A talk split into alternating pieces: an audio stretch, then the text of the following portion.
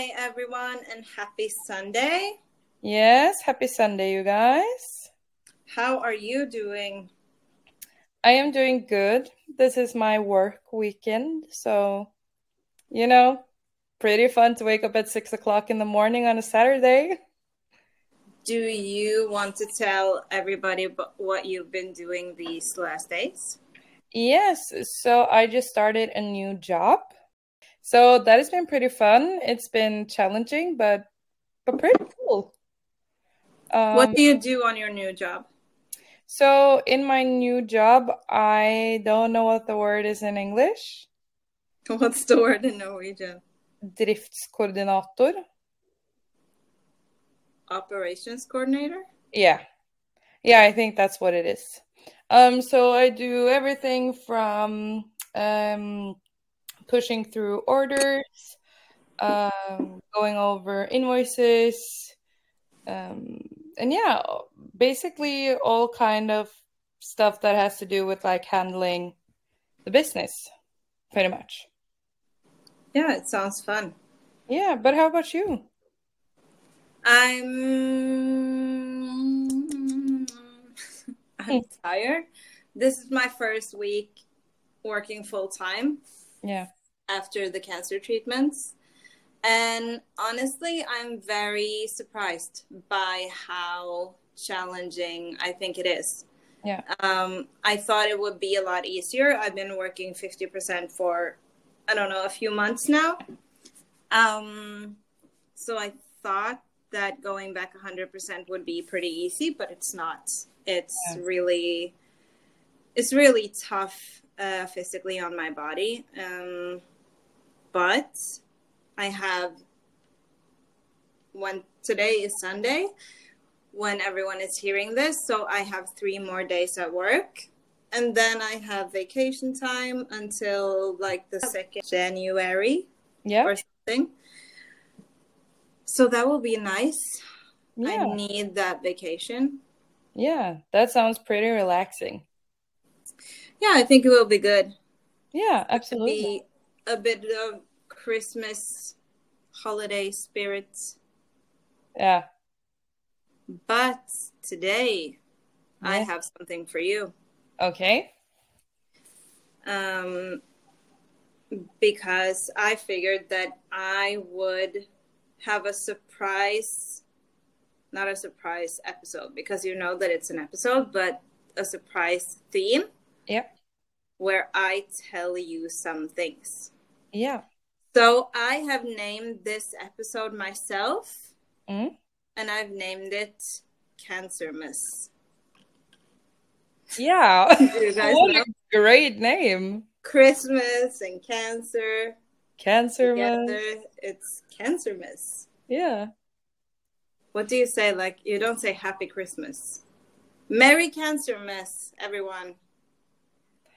Yeah. and to kick off this Cancermas special, yeah, I have some cancer fun facts. Okay. They're not actually all that fun.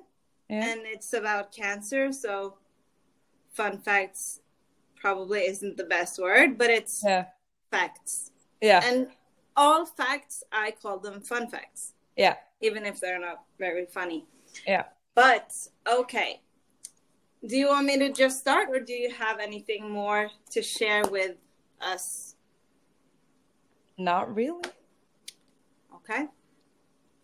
Then I will start. Yeah. So, my first cancer fun fact is the word cancer comes from the Latin word for crab. Just that, like zodiac sign. Yeah, because I was about to say that that that's pretty similar with the star sign was what I was supposed to say. Yeah. So I think it's kind of weird because crab. Yeah, it's kind of weird, but you know, creative. I don't really know why anybody would name a disease like cancer from a crab. No. But that also brings me to a funny thing. Mm. that means that when you have cancer or have had cancer, like me, I can say I've had crabs. No, I don't think it works that way. so that's the first fun fact. Yeah. And then the next one is the oldest description of cancer, although the word cancer wasn't used, was discovered in Egypt and dates back to about 3000 BC, which is like 5000 years ago now. It's mm. called the Edwin Smith Papyrus, and it's a copy of a part of an ancient Egyptian textbook on trauma surgery. The document describes breast tumors, and this is so bad, removed by a tool called the fire drill. Oh. And it also states that there is no treatment for this disease. Okay. So, someone in ancient Egypt actually got their breast tumor removed with a fire drill, only to learn that it didn't really help. Oh my gosh. Is what I take from this. Yeah. But that's kind of interesting that the Egyptians were the first one to ever document or talk about cancer. Yeah. Uh, my next fun fact is that cancer is a very varied disease. There are more than 200 types and subtypes. The different types have different symptoms, outcomes, treatments, and survival rates. But when it comes to inherited cancer, only 5 to 10% of all cancer are entirely hereditary. Oh, I didn't know that. No, it's actually really interesting because when you talk about cancer and stuff like that, it's like you assume very quickly that it's like, oh, is it inherited? Like, do I need to check myself because my grandma had it, had some yeah. cancers? So actually, that only five to ten percent are hereditary. I didn't know that either. No. wow! And then I have a good cancer fun fact. Yeah. Uh, more than half of all cancer types are actually preventable. Wow. But like is that preventable with uh, you know, um, the way you live? Mm, it's a lot of different things. So some cancer types are of course lifestyle preventable. Yeah and then you have like the cancer that I had, which is preventable. Yeah. With pap smears and everything that that should catch it before it turns to cancer. Yeah. Mm. Okay, and then the next fun fact. Yeah. Which is actually not fun at all. Cancer is the second leading cause of death worldwide. And do you want to know what number one is? What is it? I really wanted this to be like something cool, like shark attacks or snake attacks or something. Yeah. But it's heart disease. That's not a shocker, though. No, I know. Uh, and then the next one is that 10 million people die from cancer every year. Wow, what an uplifting fact. Yeah. it is a fact, though. Yeah. Uh, and the next one is more than 40% of cancer related death could be prevented as they are linked to modifiable risk factors such as smoking, alcohol use, poor diet, and physical inactivity. Yeah. Yeah. But again, that makes sense though. Yeah. I think that most of us already know that smoking and alcohol and stuff isn't too good. Yeah. And this next fact, I found this to be really, really interesting and very shocking, actually. Mm. Did you know that there are more skin cancer cases? Or let me reframe this to a question. Do you think that there are more cancer cases due to indoor tanning or lung cancer cases due to smoking? I think it's the skin cancer one. Yes. Because and it's it's from tanning beds. yes, There are more skin cancer cases due to indoor tanning than lung cancer cases due to smoking. I know. I actually read an article about this when this first got out. I don't remember. We were pretty young when the first article about this came out. Because when I was about like maybe 16, it was really like popular to go work out first and then do like tanning afterwards. But after I did not do it a lot because I didn't want to get wrinkles. that was like my main reason and I don't really like the sun, if you know what I mean. Like Yeah. we don't really get along. But I remember when I read that, I was just like, oh my God, I'm so happy I never was into this.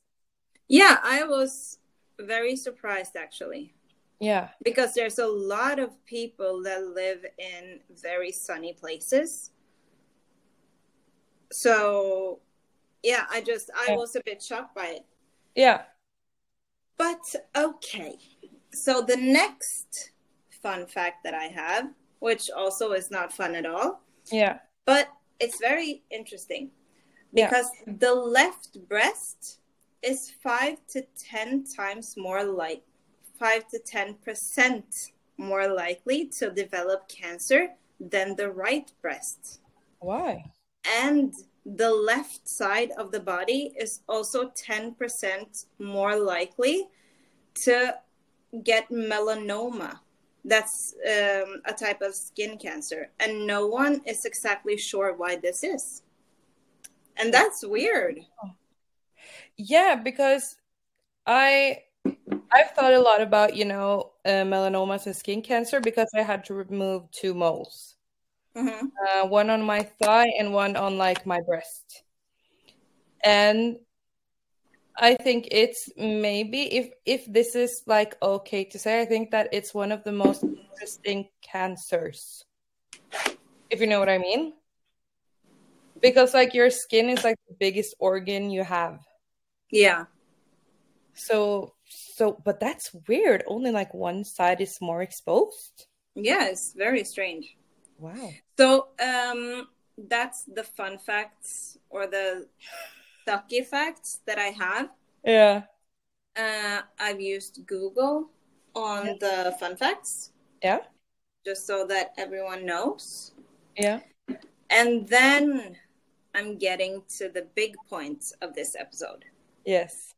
because I wanted to do something out of the ordinary. Like, usually, you and I just sit and talk about one type of problem or situation that has to do with cancer, like how to get your mojo back after cancer, how to be next of kin during cancer. Yeah.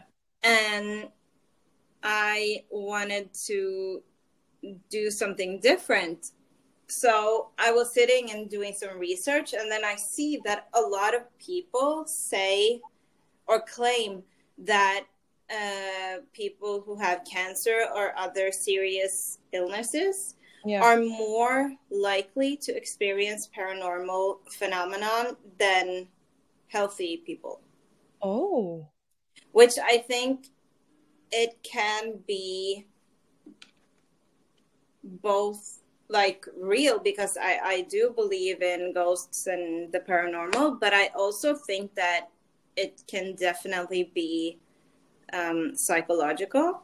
Yeah. When you're seriously ill, I think that most of us have a need to know that there's something more. So I do think that our brains can play tricks on us because of that Yeah. but I started to deep dive a bit into this um,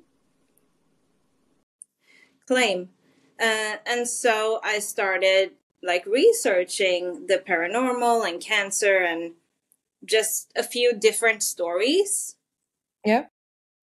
And I got one that I really like. Ooh. So, um, I think that this this story can be both a sign that it's correct or it can be complete bullshit. Yeah. But the story I'm going to tell you today is the true story behind the movie A Haunting in Connecticut. Connecticut. Mm, Connecticut. You know, that word just reminds me of Connecticut. About what? you know, connect the dots like it's Yeah. a game. Oh. In A Haunted House, which is my favorite movie with Marlon Wayans, everyone should watch it. They have this, uh, it's kind of like a scary movie, so it's a joke. yeah. And there's this girl who's possessed, and she's playing connect the dots on her arm with a knife. Oh. So it's Okay. connect the cuts. Yeah. It's Okay. sitting there like connect the cuts, connect the cuts, connect the cuts. Yeah. So when I read Connecticut, it's Connecticut. Yeah. Yeah. I understand. Yeah. Yeah, so that's a tangent, but still. Okay, so let me tell you this story and then we can discuss it later, what you think. Yeah. So in 1986, the Snedeker, I'm not really sure how to pronounce it. I did try to to find the right pronunciation, but like different videos had different pronunciations, so I'm gonna go with Snedeker. Yeah, I think that asking me after the last episode is the most stupid thing you can do because I butchered every goddamn name. Yeah. So we're gonna go with Snedeker. But in 1986, the Snedeker family was watch watching. They were searching for a new home. Uh, their son Philip, he was 14 years, and he had been diagnosed with Hodgkin's lymphoma. Uh, Yeah. And he needed treatment for it, so they wanted to find a home closer to the hospital. Um, I don't know how it is in America, but like here in Norway, there aren't that many hospitals that actually do all the cancer treatments. So most of the hospitals here they have also patient hotels Mm. in like next to the hospital so that you can stay during treatments, but I don't think at least not in 86. I guess they didn't have it in America, at least not in in the hospital that he was getting his treatments at. So, um First, Hodgkin's lymphoma is a type of cancer that affects the lymphatic system. Uh, this is a part of the body that's kind of the body's germ fighting immune system, if you know what I mean. Yeah. Yeah. Uh, in Hodgkin's lymphoma, the white blood cells called lymphocytes grow out of control. So what happens is that your lymph nodes get really small, swollen, and you can have growth throughout the body. Yeah. Um, so that's just quickly what kind of cancer it is. Uh, and in this Snedeker family, it was mom Carmen, dad Alan, and then they had four children: Philip, Bradley, Alan Jr., and Jennifer. And then Yeah. they also have Carmen's niece who lived with the family. Yeah. And if you get confused during the story, you can just ask me and I can jump back and tell you who is who. Yeah. So, on the 30th of June in 1986, they all moved into their new home and the children got to pick their own rooms. And one of the things that they said was kind of strange was that usually when kids pick rooms, there's a fight about it. You know, who gets the biggest room and I want this one and blah, blah, blah. But the children, they didn't really even fight about it. Like they all just went into a room and was like, okay, this is mine. Uh, and everything seemed fine in their new house until one day when Carmen was in the basement. And in there, she found some disturbing things. She found funerary items. Do you know what that- that is? Is that like things you have in a funeral? Yes, like in a funeral home. Oh. So, among other things, there was embalming equipment. So, this means, like, Carmen starts to think, okay, has there been a funeral home here? Yeah. Um, she says that she had no idea that the home used to be a funeral home. Yeah. But the guy who owns the home says that she knew all along. So it's a bit of differing opinions if she knew before moving in or if she didn't know. Yeah. But she says that she had no idea. yeah. So she also says that when they were looking at the house and like having a viewing of it, that she couldn't go into the basement because there were renovators who had blocked the doorway with materials. So Okay. she says she never even saw the bas- basement Yeah. and that um, it seemed like the guy who owned the house had tried to hide it. Okay. Uh, so her story is that she called the o- old owner who confirmed that there had been a funeral home in the house. Mm. Uh, and the creepy thing is when the kids were choosing their rooms, Philip and Bradley, they are the oldest kids out of the. There's five kids living in this house, Yeah. but they are the oldest ones. So Yeah. they wanted like a private space where they could be alone and away from the smaller children. Um, and they wanted the basement from the start Why? because it was big. Uh, it had like a sitting, uh, like one big room and one small room, so they could have a lot of space. So I think that that's why they wanted it. But still, like basements, like some basements are nice, but not that one, I guess. Yeah, but you have to remember that they didn't know.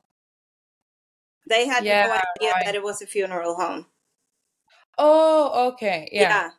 And I don't think, I didn't really figure this out, but I don't think that the parents like went to their 14 year old kid with cancer and said, Oh, did you know that there was a funeral home here? Yeah. Um, but Philip and Bradley also reportedly slept in the casket display room down the hall from the embalming room. Yeah. Yeah. So they basically lived in the basement. Yeah. Uh, in addition to mortuary equipment, the Snedekers also found images of deceased on the property. But um, I can just finish. Like, according to Chasing the Frog, which is, I think, a blog, um, Carmen Snedeker said there were a couple of photos in the home, but there were many toe tags and head tags. There were also other personal items of the deceased. But Oh. you have to remember that um, in older times, it was very normal to take pictures of dead people. Yeah. So that could be the reason why there's pictures of dead people Yeah. Or it could be like something they automatically do when they're um like doing the funeral stuff. Maybe they pictures of the bodies. I don't really know and it wasn't really clear. Yeah. but that's a bit of an intro so let's get into the scary stuff. And Yeah. have you actually seen the movie? I think you have. I think I have, but I don't have the best memory, so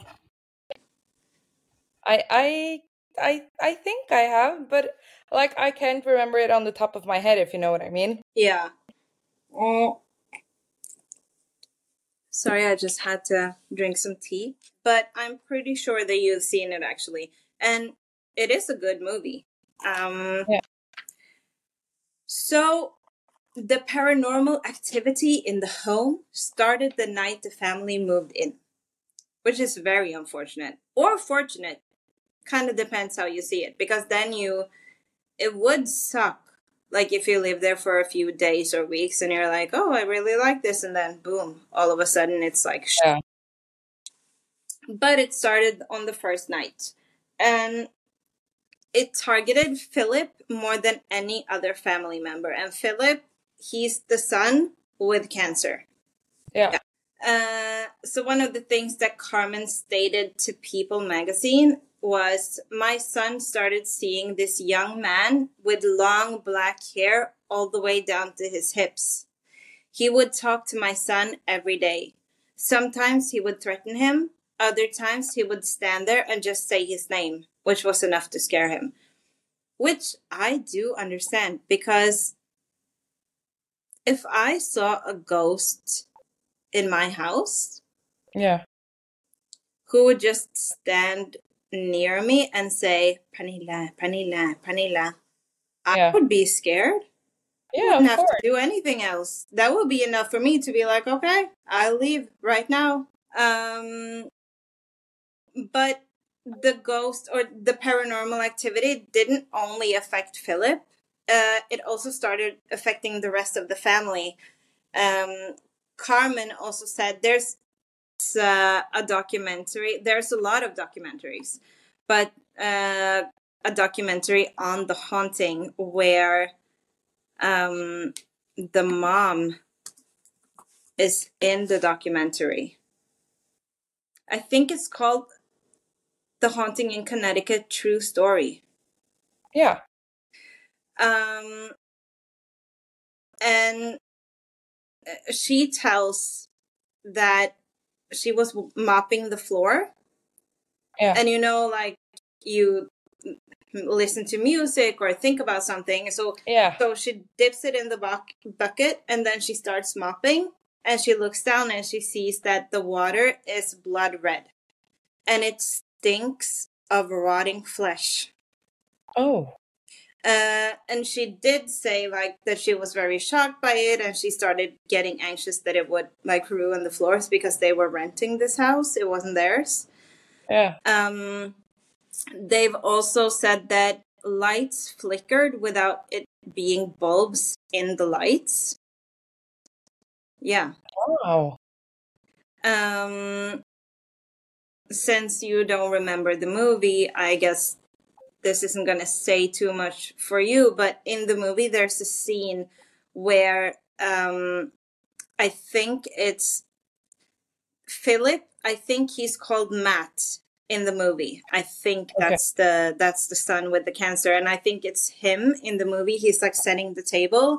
He turns around, and when he turns back, like all the dishes are gone from the table. Uh, and they've asked, like, did this really happen, or did they make it up for the movie? And Yeah. Carmen has said that it did really happen, but it was her. It wasn't the son. So she was setting the table and she turned around, she turned back, the table was cleared, and she was like, I was wondering if I was going insane. Yeah. Um, and then we're getting to the really bad part, or I think it's the really bad part, and I don't want to like just blurt it out. This is going to be a sensitive subject for some people. It involves the R word, sexual Oh yes. assault. Um. Yeah. I know that it's a sensitive topic and I'm not really sure what to call it, but if you're very sensitive to it, then you can skip 15 seconds ahead. Um. Let's just say Then- the R word. Yeah. Okay, so skip 15 seconds ahead from now. Yeah. Uh, Carmen and Alan have both said that the forces are worded them, both of them, Yeah. which I've heard that in multiple stories that that can happen. Yeah. Um, and again, Philip, he was targeted most out of everyone in the house. And after a little while, of course, after being, you know, plagued by this for a long time, his personality begins to change. Yeah. So he became dangerous and irritable. One time he placed uh, the other older brother, the guy named Bradley, on a gurney and spun him around until the younger boy begged him to stop. And this is also in the movie, and you can see him just like standing over the the gurney is Yeah. yeah. and you can see him standing over and just he has this blank stare in his eyes and he's just gone uh, he also locked his brother in the chest and walked away which is really dangerous. Uh yeah. Like i think people have died from that before. The brother brother didn't die but it's it's really dangerous because he just walked away. Yeah because it's still pretty bad. Yeah. And then the worst incident uh, was when Philip, the son with cancer, he attacked his cousin Tammy. Okay. It doesn't really say very clearly what kind of an attack it was and what he did. Yeah. But he got sent away. He had to spend 45 days in a mental hospital. Uh, doctors actually diagnosed Philip with schizophrenia after he told them about the entities that he saw and that they were speaking to him. Yeah. Uh, and then they were um, thinking about because he has a lot of medication since he has cancer. Mm. So they started looking into if the medication could be giving him hallucinations. Yeah. But they checked everything and it turns out that none of his medication would give him any sort of hallucinations. Oh. And it would not trigger if he had like dormant schizophrenia. Yeah. None of the medicine would trigger his schizophrenia either. Oh. Yeah. So it is it is really strange and everyone knows that before it they were very quick to say that any sort of experience, then you had a mental illness. Yeah. So who knows what it is? Like that's difficult, or it's impossible to know. Yeah, yeah, yeah. Uh, and after he attacked his cousin, the Snedeker family decided that it was best to send Philip to live with some relatives. Yeah. Uh, but the weird thing is that when he went there to to live with them, he stopped hearing voices and he stopped seeing spirits. Then it's so definitely it, something with the house. Yeah, so it completely stopped when he moved away. Yeah. Wow. Uh, and then the family contacted Ed and Lorraine Warren. Yeah. I think you know who they are. I know pretty well who they are. Yeah. Um, I watched like all the Conjuring movies. I think multiple yeah. times. And I haven't deep dived into this. Yeah. But I know that there are very differing opinions on Ed and Lorraine Warren. Yeah. So if you're very interested in them, my advice is to Google them a bit. Yes. I don't want to say anything on here since I haven't really done my research, but the things that I've there's a lot more to to their story than yeah. than what you see in the Conjuring movies, to yeah. say the least. Uh, they also contacted a priest. So on the 6th of September 1988, an exorcism was done on the house. Yeah. And after that, the family said that all the paranormal paranormal activity disappeared. Oh. Um, but the next family who lived in the house, they do not believe the story at all. They have never experienced anything paranormal in the house. Uh, the guy who owns the house do- doesn't believe the story. Um, so there are very varying opinions yeah. on if this is real or if it's made up. Yeah. Um and philip he actually went into remission after his cancer treatments. Uh, but unfortunately his cancer returned and he died in january 2012 yeah. But he was in remission a long time. How old was he when he died He was 14 in 86. So he was an adult. Yeah, I yeah. think he was like 40 maybe. Yeah, I'm not that good at math. I'm sorry. yeah, I think he's somewhere around 40. Yeah. Or what? Uh, so that's basically the story, but it is interesting to think about. Like I started with, it's it's said that seriously ill people are more likely to experience paranormal things. Yeah. And I worked in a nursing home for a few years, and I remember that almost every time someone died, the weeks prior, they started to talk to dead relatives. They started seeing people in their rooms. I remember especially one period where I think three people on the same floor actually died. Yeah. And it started with one of the women.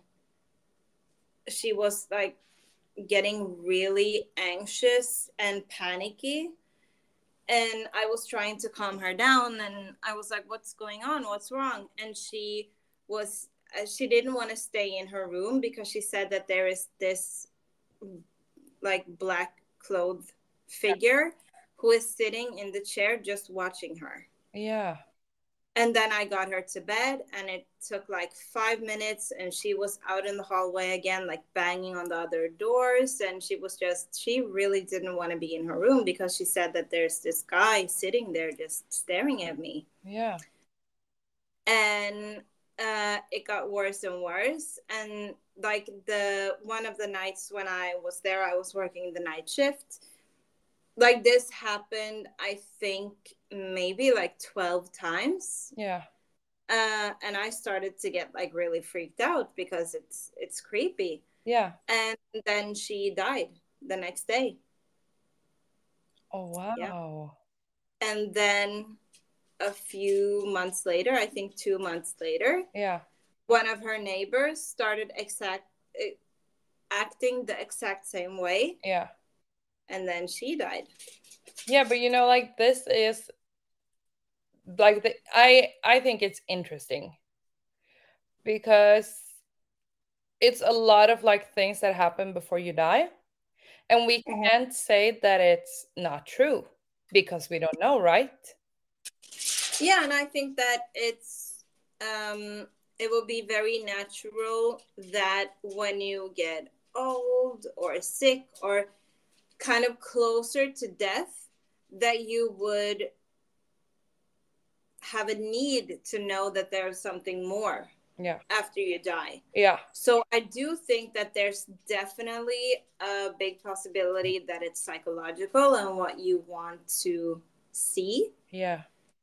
But then again i also do believe in supernatural things. So if it's true then that wouldn't shock me either. Yeah so I can see both sides of it and I just think I think it's really interesting all of it.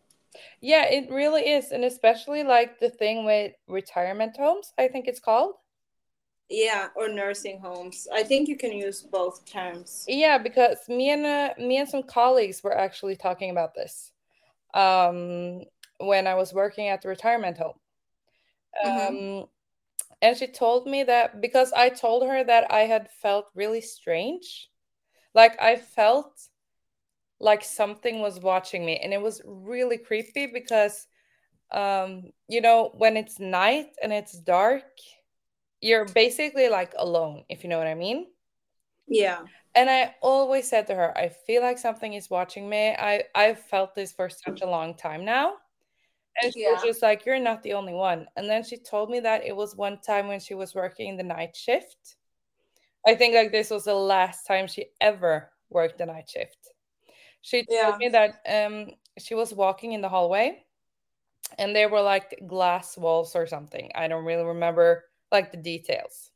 But it was like this glass door you could see through.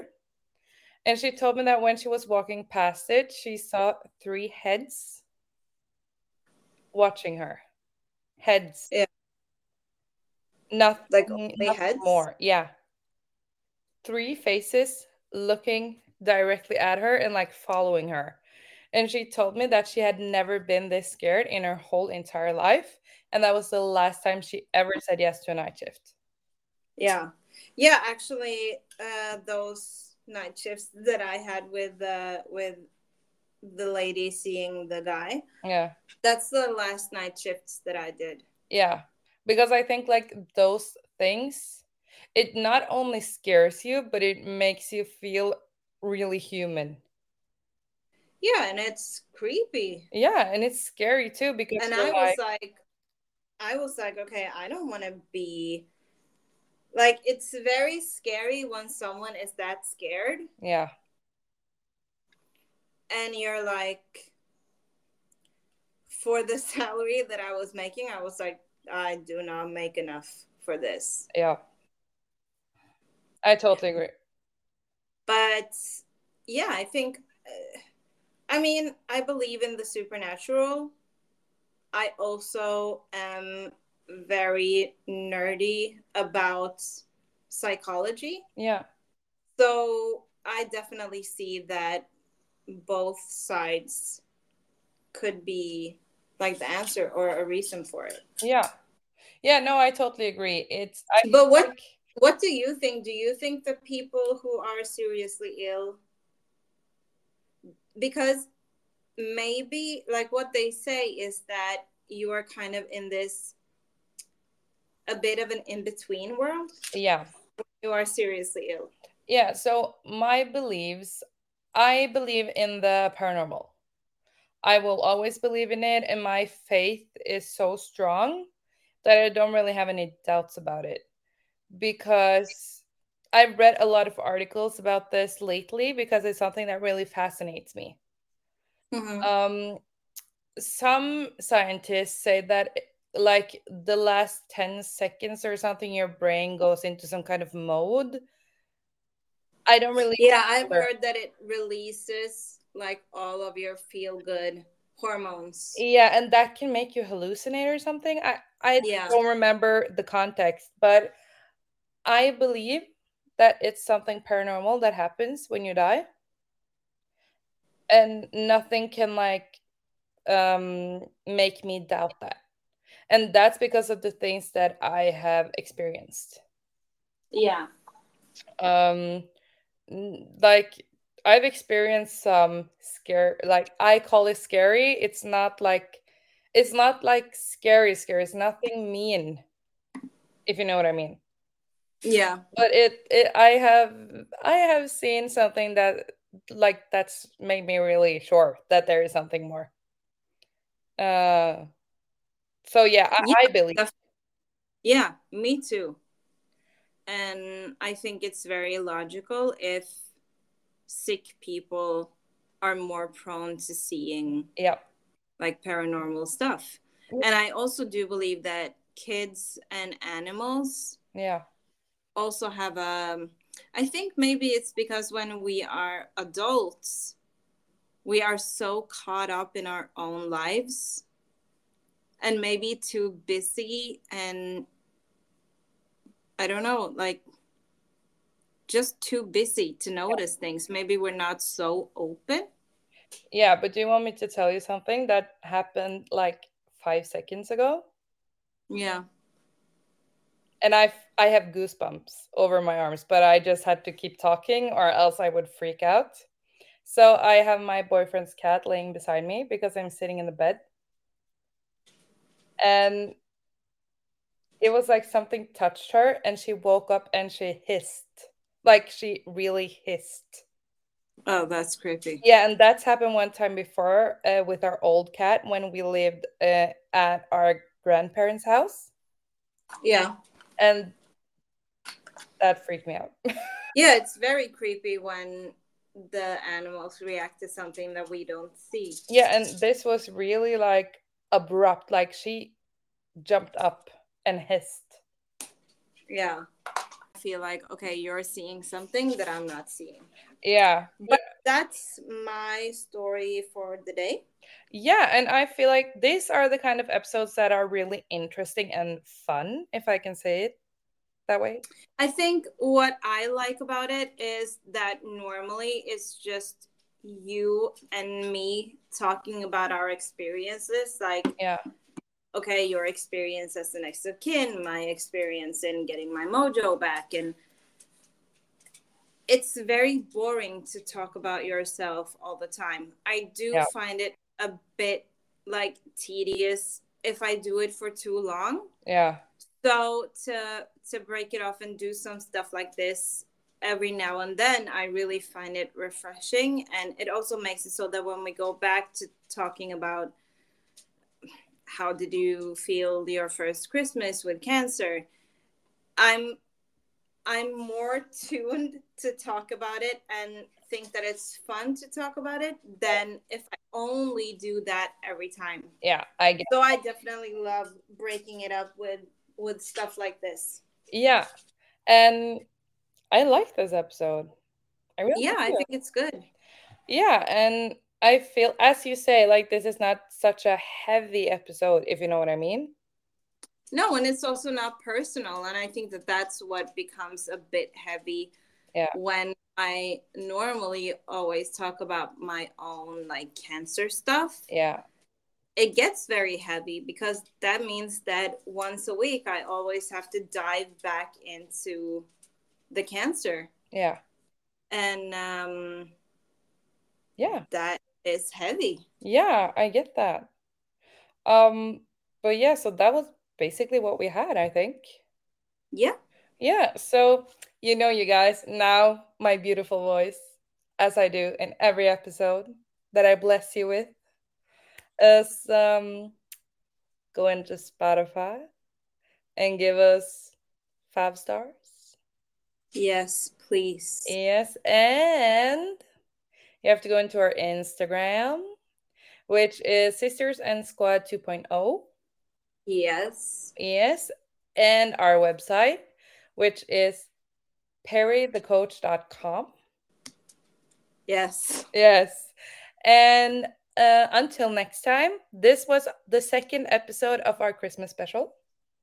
So enjoy your Sunday of Advent. I don't know. Mm-hmm. You know what we mean. The second Sunday before Christmas. Yeah.